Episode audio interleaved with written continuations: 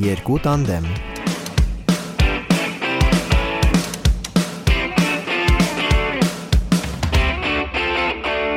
Սիրելի հերոստա ռադիո ոդքասթը լսողներ, այս տարօրինակ ինտերշումը ընդհատեմ մի կարևոր հարցով, որը տալու եմ բռնվեք մեր հյուրին։ Մենք այսօր հյուր ունենք, բայց մինչև շոկ։ կներկայացնենք նրան, ես նրան կուղեմ հարց։ Արմինե, քիչ առաջ հերթում, ռադիոյի սենյակներից մեկի հերթում չմանրամասնեմ որտեղ Համլետն ինձ ասաց, ճիշտն ասած մենք վազում էինք թե ով առաջինը կհասնի, որ Բոլորը առաջինը հասկացան մենք ուր էինք գնում սերի վեգա։ Եվ վերջին պահին, չնայած որ նա հաղթել էր, Համլետն ասաց միայն կանանցից հետո։ Արդյոք դա սեքսիզմ է։ Նախ ասենք էլի ով է մեր տաղավարում։ Լավ ասենք։ Մեր տաղավարում է ֆեմինիստ Արմինե Մարկոսյանը, որովհետև մենք հասկացանք, որ մենք 4-ս ֆեմինիզմի մասին միայնակ խոսել չենք կարող, կամ դա վտանգավոր է։ Վտանգավոր է, այո, մեզ cancel գուցե անեն, պետք է զգուշ լինել։ Շատ լավ։ Արմինե, Այո։ ճիշտ եմ արել, որ ասել եմ կանայք սկզբից։ Դե իրականում դա կախված է նրանից, թե արդյոք դու հարգում ես մարդուն նրա սերից ելնելով, թե պարզապես հարգում ես, որովհետև Օրինակ ես սանուհին է։ Ես Այո, հարգում եմ, որովհետև սանուհին սանուհին է։ Որպես սանուհի։ Մմ, Որպես քո սանուհի, սիրելի Համլետ, դու կասեիր սանուհուցս հետո, ոչ թե կանանցից հետո։ Օ, շատ Դե լավ րոպե, Լերանահի։ հա, շատ խճճեցինք Արմինեին։ Արմինը մինչև սկսելը եւ վիճելը եւ հասկանալը ինչն է ճիշտ, ինչը սխալ, cancel ասա լինելը ի վերջո, լրիր, սիրելի ամլետ, այ քեզ բան։ վերջում ես Հա, Համլետ լրիր, սիրելի կնքահայր։ Այո, մինչև cancel լինելը մեր քարյակի հարցնենք ու խնդրենք սահմանել ինչ է ֆեմինիզմը եւ ինչ է սեքսիզմը։ Ես կուզեմ մի քիչ ուրիշ տեղից սկսենք։ Կուզեմ դուք պատասխանեք այդ հարցին, ի՞նչ է ֆեմինիզմը։ Սիրելի Ինտրիգային։ Սիրելի Կոլյա, ես ուզում եմ լսել։ Ֆեմինիզմը։ Այո, քո մեկնաբանությունը։ Ֆեմինիզմը դա հավասարությունն է։ անկախ գենդերից, անկախ ա, Մի հատ տեսեք ոնց է սեռից, լրջացել։ Ահա, Ես ցիվիլ եմ։ Ինձ թվում է ավելի շատ իմ համար հավասարությունն է, անկախ մարդու տեսակից, անկախ մարդու ամեն ինչից։ Վեգա։ Հիմա ես պիտի ասեմ, կարծում եմ ֆեմինիզմը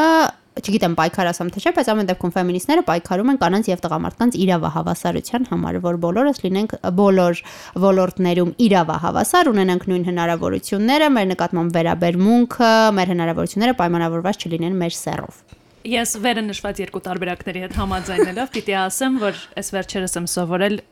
իմ ընկեր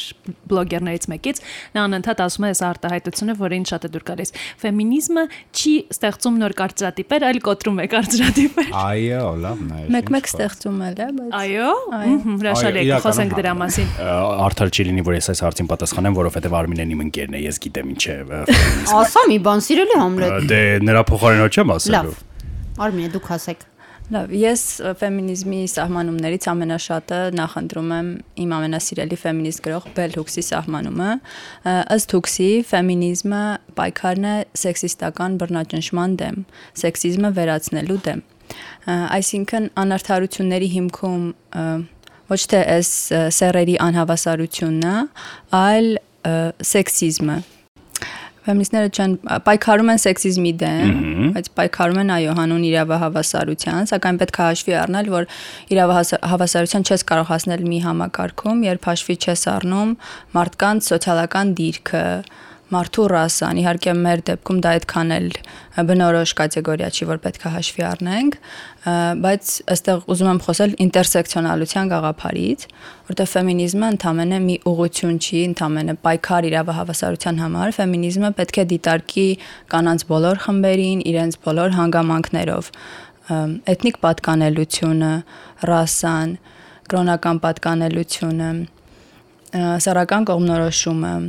գենդերային ինքնությունը, որովհետև այս բոլոր հանգամանքները կնոջը դնում են տարբեր դերերի մեջ ու տարբեր կանայք տարբեր ճնշվածությունների են ենթարկվում ըստ այս իրենց դերերի ու ըստ իրենց այս այս տարբեր խմբերին պատկանելության։ Արմինե, այսինքն որ պատմում եք, տպավորությունն է, որ ամեն ինչ շատ հեշտ է։ Ֆեմինիզմը պայքարում է սեքսիզմի դեմ, այն բոլոր կարծրատիպերի ու համակարգերի դեմ, որոնք մեզ ստիպում են հիմնվելով մեր սեռի եւ սոցիալական այլ կոմպոնենտների վրա, եթե կարելի է այդպես ասել։ Բայց այդ դեպքում ինչու է հասարակությունը այսքան դժվար անցալում սա, ինչու ենք այսքան դժվար հասկանում ինչը ինչն է, ինչն է խնդիրը, որ ֆեմինիզմը ոչ միայն դժվար է հասկանալը, այլ նաև շատ հաճախ ընդունվում է քարերով, դրա դեմ պայքար նույնիսկ կա, կան մարդիկ, որոնք այդքան վատ են վերաբերվում այս երևույթին ու դրա Վաու, ես ներկայացուցիչներին։ չգիտեի, որ մարդիկ կան, որ այդքան վատ են վերաբերվում։ Այո, այո։ Լուրջ Հենց այն մարդիկ, որոնք հայր հայրիշխանական համակարգի ը, կրողներն են կարծում։ Եվ պահապանները։ Մեծամասամբ տղամարդիկ Չես կարող կամ ոչ միայն։ Չէ, չէ, չես կարող։ ամբողջ երկրագնդի խնդիրը փաստորեն տղամարդիկ են։ Այո։ Այո, մենք մոտ ընկերներ ենք, Արմինե այո։ ջան, Այո, այո։ քեզ բան։ Այո, Այդքան ատելություն սեփական սերի նկատմամբ։ դա ատելություն չէ, դա ուղղակի ճշմարտություն է, ես կարծում եմ։ Այո։ Արմեն ջան, մի վարքյան, ես մնացի մենակ սիրելի վեգա։ Այո, իմ հաշվարկով Քեզ նաև իմ ասածը մեկնաբանեմ, ինչի ձեր հարցին պատասխանեցի այո, որովհետև իրականում ոչ ոչ թե եմ։ տղամարդիկ են խնդիրը, այլ տղամարդկանց ստեղծած համակարգն է խնդիրը։ Այո։ Իսկ համակարգը դա հայրիշխանությունն է, ինչպես նշեցի, իսկ մեր օրերում հայրիշխանական կապիտալիզմն է, որովհետև եւ հայրիշխանությանը եւ կապիտալիզմին, այսպես ասած, ձեռք են տալիս այն բոլոր դերերը, որ մենք ունենք, ինչ է կապիտալիզմը, հա, պահանջում մեզնից արտադրություն եւ վերարտադրություն։ Արտադրությունը դա տնտեսության մեջ մեր գործունեությունն է, վերարտադրությունը երեխաներ ունենալ է։ Երեխաներ ունենում ենք, որpիսի շարունակենք այդ արտադրանքի եւ վերարտադրանքի գործունեությունը։ Դրա համար սեկտայի է։ Ինչ կապ ունեին այստեղ տղամարդիկը, դուք եք վերարտադրություն։ Մեծ կապ ունեն։ Սիրելի Համլետ, ինքներս մեզ ասեց, Չեք կարող իհարկե, բայց Տղամարդիկ են ստեղծել այս համակարգը, նա ասեց։ Եթե անգամ տղամարդիկ են ստեղծել այս համակարգը, առհասարակ այնպիսի տպավորություն է, որ երբ կանայք ավելի շատ եւ նաեւ առաջադեմ տղամարդիկ փորձում են կանանց պաշտպանել, երբեմն հանդիպում են դիմադրության հենց կանանց կողմից։ Եվ ինձ մոտ այնպիսի տպավորություն է սովորաբար լինում, երբ օրինակ չգիտեմ մարզերով եմ գնում, կանանց հետ եմ խոսում, որոնք օրինակ բռնության զոհ են կամ անհավասար պայմաններով են աշխատում եւ այլն, այն տեսակ տպավորություն ունեմ, որ այդ կանայք ամեն ինչի հետ հարմարվել են եւ ընդհանրապես չեն տեսնում այլ հ- հեռանկար։ Այսինքն իրենց համար դա ոչ միայն նորմալ է, այլ լավ է ամեն ինչ։ Դու չես էլ կարողանում մտնել այդ դաշտ, որպեսզի փորձես իրեն մտածեցնել, ինչպես կասեր Համլետը, որ ինքը մտածի այդ ուղությամբ եւ օրինակ, չգիտեմ, բռնարարից հեռանայի ընդհանրենք։ Ա, Շատ ճիշտ նկատառում է, ուղղակի պիտի հաշվի առնենք, թե ինչու են կանայք այդպես մտածում, կամ կոպիտ ասած, ինչու չեն մտածում իրենց դիրքի ու իրենց պայմանների մասին, որովհետև Այո, շատ ճիշտ եք, որովհետև մեզ մանկուց դեռ սովորեցնում են այս բոլոր դերերը։ Դու որպես աղջիկ պարտավոր ես լավ տեսք ունենալ, որ ապագայում լավ ամուսին ունենաս, կարևոր չի լավ աշխատանք ունենաս թե չէ, կարևորը այդ սոցիալական դերերն են։ Ու կինը այդ ամեն ինչը սովորելով ինքը փորձում է համապատասխանել այդ դերերին, որովհետև այո, վախենալու է, երբ որ դու դերին չես համապատասխանում, հասարակության նորմաներից շեղվում ես, դու մնում ես մենակ, այլ չասեմ բռնությունը, որ դուք նշեցիք, ու այո, Մի վարքան, մի վարքան, մի վարքան, մի վարքան, բայց ես համաձայն չեմ։ Համլետ։ Ասեմ ինչու։ Ինչու։ Որովհետև հիմա աշխարհում ինձ թվում է, որ կանայք շատ ավելի այսպես տղամարդկային ճակերտավոր դեր են իրենց իրենց վրա վերցրել, ավելի առաջ են գնում, ավելի շատ են աշխատում կարիերայով են զբաղվում եւ այլն եւ այլն։ Ու եթե նայենք աշխարհի մակարդակով, մենք հիմա կտեսնենք, որ տղամարդիկ շատ ավելի թուլացած են, քան կանայք, այդպես չէ։ Ոյ, բացարձակ համաձայն չեմ Համլետի հետ։ Իրականում մենք բոլորս նման հետևությունների են գալիս մեր շուրջը նայելով, մոռանալով, որ մենք քիչ թե շատ առաջադեմ երիտասարդներ ենք կարծում եմ, Այո, եւ եմ, շրջապատել ենք նման մարդկանցով, որտեղ գուցե այո ձեր նշածը կա, բայց երբեմն պետք է նայենք նաեւ մեր բաբլից դուրս եւ կտեսնենք, որ է, սիրելի Համլետ։ Ուզում եմ ասել շատ ճիշտ եք ասում, բայց նաև պետք է հաշվի առնենք Համլետի ասածից ելնելով, կանայք այո սկսել են ավելի շատ աշխատել, որովհետև այս կապիտալիստական համակարգը քեզ այլ ճար չի թողնում, դու պիտի աշխատես, որ կարողանաս ընտանիքդ պահել, բայց դրան գումարվել է ինչը։ Այսինքն նախկինում կանայք տնային գործերն էին անում, տնային տնտեսուհի էին, հիմա աշխատում են։ Հիմա իրենք շարունակում են լինել տնային տնտեսի։ կրկնակի աշխատանք են անում, ընդ որում տան աշխատանքը չվճարվող, դրսի աշխատանքը քիչ վճարվող։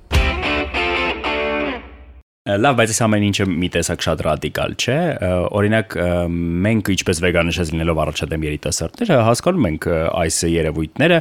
քննարկում ենք, ընկալում ենք, բայց մի տեսակ շատ չի ռադիկալանում այս ինչ ամեն է ինչը։ կանում այդ երևույթներ փոխելու համար։ Ը, Պոդքասթ ենք ձայնագրում, խոսում ենք այս մասին։ Բայց համել անկեղծ եղիր, էլի մեզ համարելով ավելի, այսպես չգիտեմ, առաջադեմ երիտասարդների շարքից, միևնույն է մենք նույնպես հարցեր ունենում ենք։ Մենք նույնպես մտածում ենք, սա պիտի ասեի թե ոչ, սա ճիշտ էր թե ոչ, այսինքն Ես օրինակ շատ եմ այդ տեսակ հարցեր ունենում, որովհետև ես վախենում եմ սխալ բան ասել որ հանկարծ այդ կանոններին կամ ինչ որ բաներին դեմ չլինի։ Ես վախենում եմ, որ կարող եմ այնպեսի բան ասեմ, որ դիմացի մարդուն նեղացնի։ Օրինակ մի քանի օր առաջ մի քննարկման էինք ու ես հասկացա, որ սեփական կարծիքդ, օրինակ, չգիտեմ, մարդու արտաքինի հետ կապված կամ ցանկացած այդ տեսակ բաների համար կարող է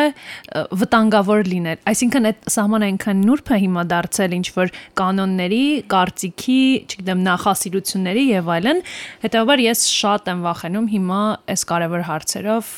հատկապես հանրային կերպով ինչ որ կարծիք հայտնել։ Եվ այդ ամեն ինչը իրականում տղամարդկանց հետ շփման մեջ այնքան էլի այսպես առօրյա կենցաղային լեվելի է հասել, երբ դու կարող ես, չգիտեմ, օրինակ ժամերով մտածել ճիշտ այսի որ թույլ տվեցի ինձ հյուրա- հյուրասիրեց։ Օրինակ, գիտեմ, որ ցավալի է ֆեմինիստների համար, երբ ամեն անգամ այդ հարցն է բարձրացնում, բայց ամեն դեպքում շատ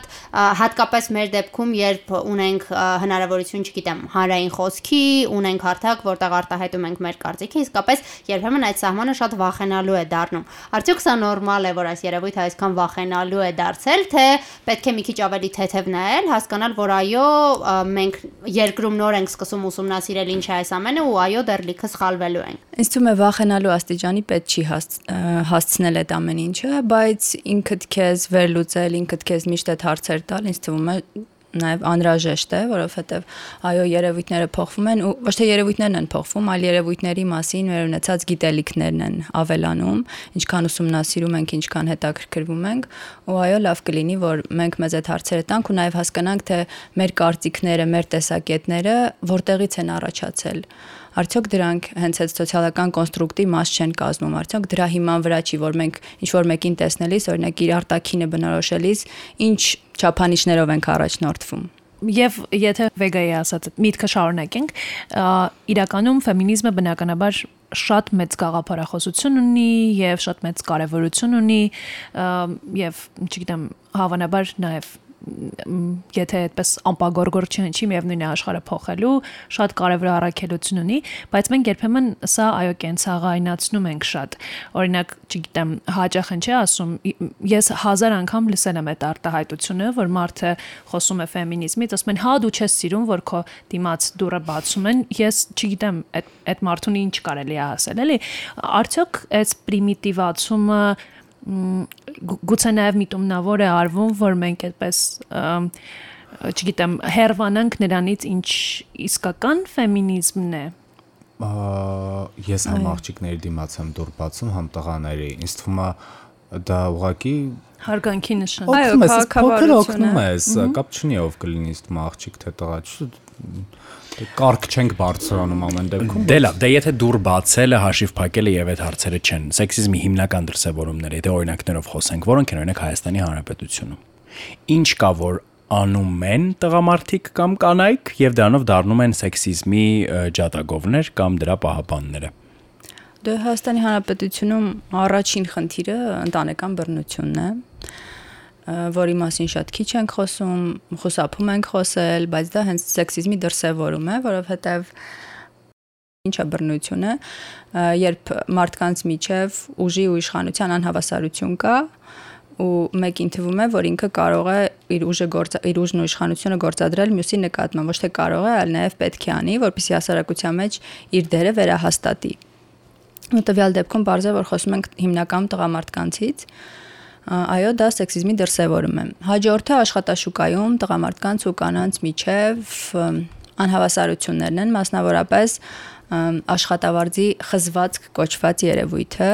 դա ամբողջ աշխարհում է այդպես, որ կանայք ու տղամարդիկ նույն ոլորտում աշխատելով ստանում են ոչ հավասար աշխատավարձեր, կանայք Դա ստանում են վիճակագրություն է Հայաստանի Հանրապետության դեպքում այո օրինակ։ Հայաստանի Հանրապետությունում էլ եւ ամբողջ աշխարհում Իդեպ ես շատ շատ եմ այս խնդրի հետ բախվում եւ հպարտորեն այն քո ասած Արմինե ջան, որ ասացիր ինչ ենք անում, որպեսզի այս խնդիրը լուծվի կամ ինչ ենք անում դրա համար, ես կասեմ, որ իմ թիմի 70%-ը կանայք եւ աղջիկներ են։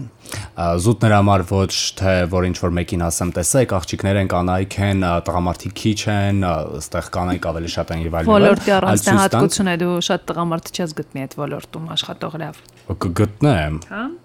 Իմ համար իրականում սերը կապ չունի, բայց ես ավելի շատ հասկացել եմ, որ ավելի հեշտ է ինձ կանանց ու աղջիկների հետ լեզու գտնել աշխատել, որովհետև ինչպես սկզբում ասացինք, տղամարդիկ սեքսիզմ չի այն որ Կոլյան ասում է։ Չէ, չէ, հիմա ասեմ։ Հիմա ասեմ, ասեմ ինչի համար։ որպեսզի ինձ նայ- ավելի հեշտ է, դա in ինձ general սեփական, ավելի այո, հեշտ է։ սեփական կարծիքն է եւ իմ փորձն է, բայց այս սրանով նաեւ ես sense ներսումս ինքս հասկացել եմ, որ ուզում եմ ցույց տամ այն տղամարդկանց կամ այն այդ ռեժիմի ինչ ինչերին ռեժի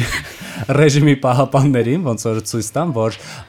հնարավոր է sense թիմով հնարավոր է տվյալ հաստիկի դեպքում նաև աշխատի կինը կամ աղջիկը օրինակ շնորհակալություն Իսկ ինչ մնում է քո ասածին, նախորդ անգամ չգիտեմ Անահիտը կհիշի թե ոչ, իրեն էլ էի պատմում, քո ասածի մասով ես պարզապես ապշած էի, որ ամենաառաջադեմ, այսպես ասած, չէ, ամենաժամանակակից համարվող ոլորտներից մեկը վերցնենք Հոլիվուդը, որտեղ աշխատավարձերը այդքան թափանցիկ են, որ բոլորը գիտեն թե ով որքան է վաստակում, վիդեո էի նկարում, մի անմեղ TikTok վիդեո էի նկարում, որտեղ որոշել էի առանձնացնել ամենաշատ վարձատրվող դերասաններին։ Ես ուղղակի շոկի մեջ էի կին դերասանների, ամենաբարձր վարձատրվող կին դերասանների եւ ամենաբարձր վարձատրվող տղամարդ դերասանների հոնորարների տարբերությունից։ Միլիոնավոր դոլարների մասին էր խոսքը։ Ես օրինակ Հայաստանում սրան չեմ առնչվել եւ ինձ միշտ հետաքրքիր է ոնց է դա կատարվում։ Եթե օրինակ, չգիտենք, չգիտեմ, մենք ռադիոյում ունենք թափուր հաստիկ, Հենց իմ ասա որքան ես վաստակում Համլետ։ դա չի կարելի բարձրացնել, Ռադիոյում։ բայց վստահեցնում եմ, որ բոլորը հավասար եք։ Մի վարքյան, տարիներ շարունակ ես ու Անահիտը վարել ենք նույն ծրագիրը, երկուսս էլ վարձատրվել ենք հավասար։ պետական աշխատողներ եք, չէ՞ եղել։ Դա տարբեր է։ Պետական համակարգում համակարգում- իրենք չեն կարող սերի վրա հիմնված տարբերություն դնել։ Խոսքը մասնավոր ոլորտների մասին է։ Բայց ուզում եմ ասել, որ հաստիկը որոշում է աշխատավարձը, չէ՞։ Ենթադրենք ունենք այսինչ թափուր աշխատանքը եւ սրա աշխատավարձն է այսքան։ Կապ ունի թե տղա թե աղջիկ է դրան դիմում։ Դա դա չեմ կարող հասկանալ։ Ինչպես եմ Այո, որոշում։ բարձում է, որ բիզնեսի համար կապ ունի։ Ես մի դեպք պատմեմ ձեզ։ Իմ մագիստրոսական թեզի ժամանակ ես հետազոտություն էի անում։ Թեզս գրել եմ գենդերային դիսկուրսի մասին, թե ինչպես է այդ դիսկուրսը ազդում հետագայում աշխատաշուկայում կանանց հնարավորությունների վրա։ Ու ինչ է բարձվում, մի կին ինձ պատմում էր, որ ինքը տարիներ շարունակ աշխատել է մի կազմակերպությունում որպես հաշվապահ եւ տարիներ հետո ինքը ողրզել է, որ իր գործընկերը, որը նույն աշխատանքն է արել, իրենից 3 անգամ ավել աշխատավարձ է ստացել։ Վաու Ու ինքը այդ մասին չի իմացել, որովհետեւ չենք քննարկում աշխատավարձերը, դա փակ թեմա է, ոչ մեկ չպիտի իմանա, շատ անձնական է եւ այլն եւ այլն։ Եվ մասնավորի առումով էլ մի բան հավել եմ, իրականում չէ որ մասնավոր սեկտորում ը, հիմա տրենդը ինքը տես աշխատավարձ է ասում եւ այնպես չէ որ ըստ հաստիկային տրամաբանության տվյալ հաստիկ ունի այդ գինը։ Հիմա աշխատաշուկան այդ առումով շատ է փոխվել։ Տխուր է։ Եվ ի վերջո աշխատավարձերը վերջին շրջանում նաև ըստ մարդու փորձի հմտությունների է ձևավորվում, չէ։ Այսինքն եթե մենք ուզում ենք օրինակ, չգիտեմ, այսինչ մասնագետը մեզ մոտ աշխատի, մենք պատրաստ ենք նրան շատ վճարել, շատ եմ ցավում, որ կարող է այստեղ սերը որոշել թե ինչքան պիտի լինի Պաստորեն ոչ աշխատավարձը։ միայն կարող է, ստացվում է, որ Որոշում է։ ես ավելին ասեմ։ Երբ որ այդ կինը հարցրել է թե ինչու է այդպես եղել, դա ստանդարտ պատասխան է ստացել։ Դե դու կին ես, դու ընտանիք չես պահում, ինքը ընտանիք է պահում։ այստեղ այս շատ իրականում տխուր է Ինչ աշխատում Ը, Ինչ կարող են, ինչ կարող է օրինակ տվյալ կինը անել այդ դեպքում։ Մենք ունենք ինչ որ օրենսդրական կարգավորումներ կամ ինչ որ, չգիտեմ, կարգ կարգավորումներ, որոնք կարող են այդ մարդուն գոնե իրավական առումով օգնել, թե ոչ։ Ոչ, Ոչ, չունենք։ ցավոք չունենք։ Պայմանագրականքում համաձայնում ենք այդ պայմանին։ Ես թե Համլետը ասացինք, որ դե մեզ համարում ենք երիտասարդների քիչ թե շատ առաջադեմ խմբի ներկայացուցիչ, հարցրեցիք իսկ ինչ եք անում դուք, այսինքն տարածելու համար այն գաղափարները, որոնք պետք է տարածվեն։ Իսկ ինչ անենք։ Ինչ պիտի անեն մարդիկ, որոնք հասկանում են, որ մի բան այն չի, բայց չգիտեն ինչ անել, ու- ում անել, ինչով օգնել, ինչ կարող ենք մենք անել։ Դե ձեր ոլորտից ելնելով ինձ թվում է առաջին բանը, որ կարող եք անել, ըստ թեմաները հանրային քննարկելն է, որովհետև դեռևս մի քանի տարի առաջ շատ մարդիկ խոսափում էին ֆեմինիզմ բառից, խոսափում էին, չգիտեմ, ընտանեկան բռնություն բառից կամ նույնիսկ գենդեր բառից, իսկ հիմա նկատում ենք, որ ինչքան շատ ես խոսում երևույթի մասին, այնքան կոպիտ ասած մարդկանց ականջները հարմարվում է արդեն ու եթե երևույթը գոյություն ունի ու իրեն անուն չես տալիս, դրա մասին չեն իմանա, բայց եթե երևույթը արդեն անուն ունի, դրա մասին խոսում ես, մարդիկ արդեն քիչ-քիչ նաև կմտնեն թեմայի մեջ, կհետաքրքրվեն, կհասկանան ինչ է դա իրենից ներկայացնում։ Այնպես որ ձեր դեպքում ինձ թվում է այս ամեն ինչը հանրայնացնելն է։ Իսկ եթե մեդիայից վերացարկվենք եւ դիտարկենք հենց սովորական քաղաքացի լինելով մեր պարտքը, այսպես ասած, ինչը պիտի լինի։ Ես կարծում եմ, որ մենք ոչ միայն պիտի մեդիայով դրա մասին շատ խոսենք, այլ առհասարակ օրինակ ընտանիքներում մեր դրա մասին շատ խոսենք։ Ես օրինակ տեսնում եմ իմ ընկերներին, որոնք այս կամ այն կերպ արծաթիպային մոտեցումներին հարմարվում են կամ այդ մարտահրավերներին առնչվում են ես նույնիսկ բռնության հասնող ճնշում եմ նրանց վրա գործադրում որ մի քիչ ավելի լայն տեսնեն աշխարհը եւ փորձում եմ գոնե դրանով իմ գոնե նեղ շրջապատի համար բացել այդ դռները որքանով ես գիտեմ որովհետեւ ես կարծում եմ որ այո երբեմն օգնում է եւ եւ չմոռանանք որ ես շատ կոնսերվատիվ ընտանիքում եմ մեծ մեծացել եւ շատ շատ շատ խնդիրներ ամեն օր հաղթահարում եմ, այսինքն մեզնից էլ դա այդքան հեռու չի էլի։ Իսկ ազգային արժեքները Թվում է մենք մեր ազգի ներսում էլ դեռևս չենք սահմանել թե որոնք են այն արժեքները, որոնց ուզում ենք հետևենք, որովհետև միշտ իրար հակասող ինչ որ բաներ ենք ասում։ Չգիտեմ, երեխաներին շատ ենք սիրում, պաշտում ենք, բայց վաղուց հայտնի է, որ ընտանեկան բռնության զոհ դառնում են նաև երեխաները, այստեղ չգիտեմ էլի ուր է մնում այդ սերը այնպես որ առաջին հերթին երևի պիտի մեր համար սահմանենք թե ինչ է ազգային արժեքը կամ ազգային ավանդույթը։ Ես դեմ չեմ ավանդույթներին, բայց ավանդույթը կին ծեծելը չի, ավանդույթը, չգիտեմ։ Աղջիկ փախցնելը չի։ Այո, աղջիկ փախցնելը չի։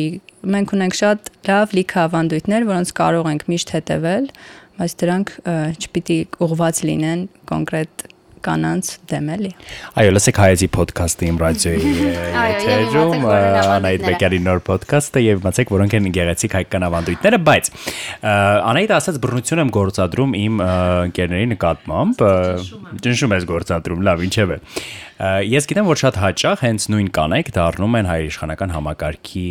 պահապանները, շարունակողները, սերմանողները գուցե, որոնք են այն ամենահաճախ հանդիպող սխալները, որոնք կանայք իրենք են թույլ տալիս ի վնաս իրենց Ինձ թվում է ամենավառ օրինակը դա դպրոցն է, որտեղ գիտենք, որ մանկավարժների մեծ մասը կանայք են, ու հենց դպրոցում է, որ մարդու մոտ, ապագա քաղաքացու մոտ ձևավորում են իր հիմնական պատկերացումները այս աշխարհի մասին, ու նաև մասնագիտական կողմնորոշումն են տեղ տեղի ունենում, ու երբ որ ուսուցիչ ու շատ դեպքերում ուսուցչուհիները աղջիկներին ու տղաներին առաջարկում են կանացի ու տղամարդկային մասնագիտություններ, ավելի կողմնորոշում են տալիս այս կամ այն ուղղությամբ, այո, բաժանում։ Այո։ Ինձ համար ամենացավալի ընդհանրապես բոլոր խնդիրների հիմքը Հայաստանի Հանրապետությունում, գուցե նաև ամբողջ աշխարհում չգիտեմ, բայց Հայաստանում դպրոց դպրոցում է եւ ես ապշում եմ այդ մարդկանց վրա, որոնք մանկավարժ են մասնագիտությամբ եւ կարող են այդպիսի բաներ անել։ Մի օրինակ հիշեցի, ընկերներիցս մեկի աղջկան բուլինգ էին անում դպրոցում եւ ինքը մի անգամ այնքան էր ոնց որ այդ ամեն ինչից ազդվել, փորձել էր հակառակվել եւ այդպես տղաներից մեկը իրեն խփել էր եւ ինքը պատասխանել էր։ Սա Երևանում տեղի չունեցել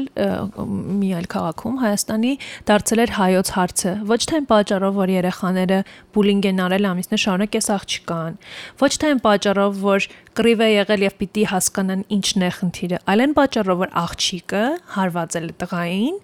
եւ կանչել էին այդ աղջկա մամային ու սկսել են մանկավարժները ասել ոնց ես դու դաստիարակում քո աղջկան ինքը տղային խփում է տղա է հիմա մի հատ էլ խփեց այդ այդ այդ այդ համակարգում ու այս դաստիարակության ու այս մտնոլորտի մեջ չի կարող, ուղղակի չի կարող հայրիշխանությունը չդառնալ նորմա։ Բարձրապես չի կարող։ Շատ բան չասեմ, բացենք դպրոցական դասագրքերը ու նայենք այնտեղ հենց առաջին դասանից սկսած, թե ինչպես են երեխաներին սովորեցնում աշխարհի մասին,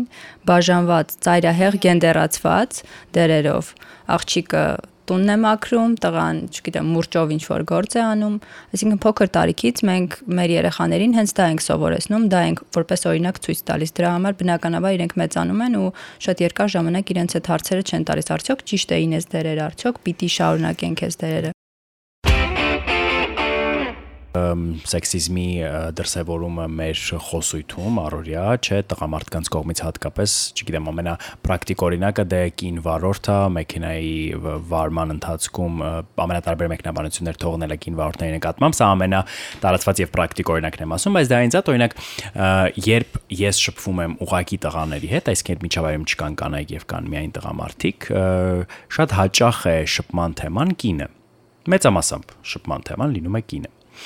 Եվ այն թե ինչպես են օրինակ տղամարդիկ կանանց մասին խոսում ոչ իրենց ներկայությամբ շատ վախեցնող է։ Դուք կանայք հնարավոր է դրա մասին լսած չլինեք, եթե հատուկ ուսումնասիրություն արած չկա քա այդ առիթով, բայց շատ հաճախ տղամարդիկ կանանց մասին խոսում են որպես օբյեկտների, կլինեն սեռական օբյեկտներ, կլինեն, ասենք, չգիտեմ, օբյեկտներ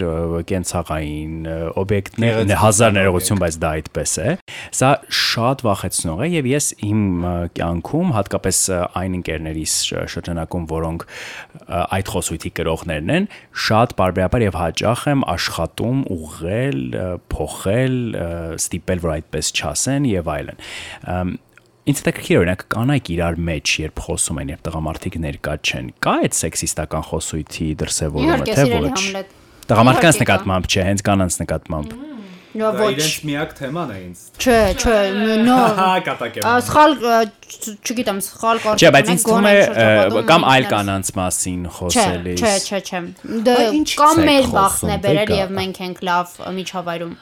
իրականում ինձ միշտ թվացել է որ կանայք իրար ավելի աջակցող են եւ ավելի օգնող են, քան տղամարդիկ, բայց կարող է այսել սեքսիզմ, ես չգիտեմ։ Սեքսին չէ, ուղղակի շատ դեպքերում մեր հասարակության մեջ հակառակն ենք տեսնում, որ կանայք միշտ իրար հետ մրցակցության մեջ են, բայց դա էլ գալիս է էլի կվերադառնամ իմ սիրելի բառին հայրիշխանությանը, որտեղ հայրիշխանական համակարգում կանանց սովորեցնում են տղամարդու ուշադրության, տղամարդու, չգիտեմ, աչքին լավ երևալու համար միշտ միշտ այո միշտ պայքարել իրար դեմ, միշտ մրցակցության մեջ լինելով ավելի գեղեցիկ տեսք ունենա, ավելի գեղեցիկ մարմին կունենա եւ այլն։ Այդտեղից է գալիս ու կանանց սովորեցնում են, որ դուք այո, պետք է իրար հետ մրցակցեք։ Դուք չեք կարող կինը լավ ընկերուհի չի կարող լինել Շատ լավ, այսքան խոսեցինք, հասկացանք մեծամասամբ ինչը պետք է հանդուրժել, ինչը ոչ, բայց եթե ուզենան մեր սիրելի հերոստա ռադիո ոդքասթը լսողները կամ մենք բարելավել մեր ֆեմինիստական գիտելիքները, ինչ կարող ենք կարդալ, ինչ կարող ենք լսել, գուցե, եթե կան ոդքասթներ այս թեմաներով, ֆիլմեր դիտենք, որ պատկերացումը ավելի համապարփակ լինի։ Եկեք ոդքասթներից սկսենք ու հայերեն լեզվով։ Ժամանակին կար ականջող ոդքասթը։ Այո, ես լսել եմ քանի էպիզոդ։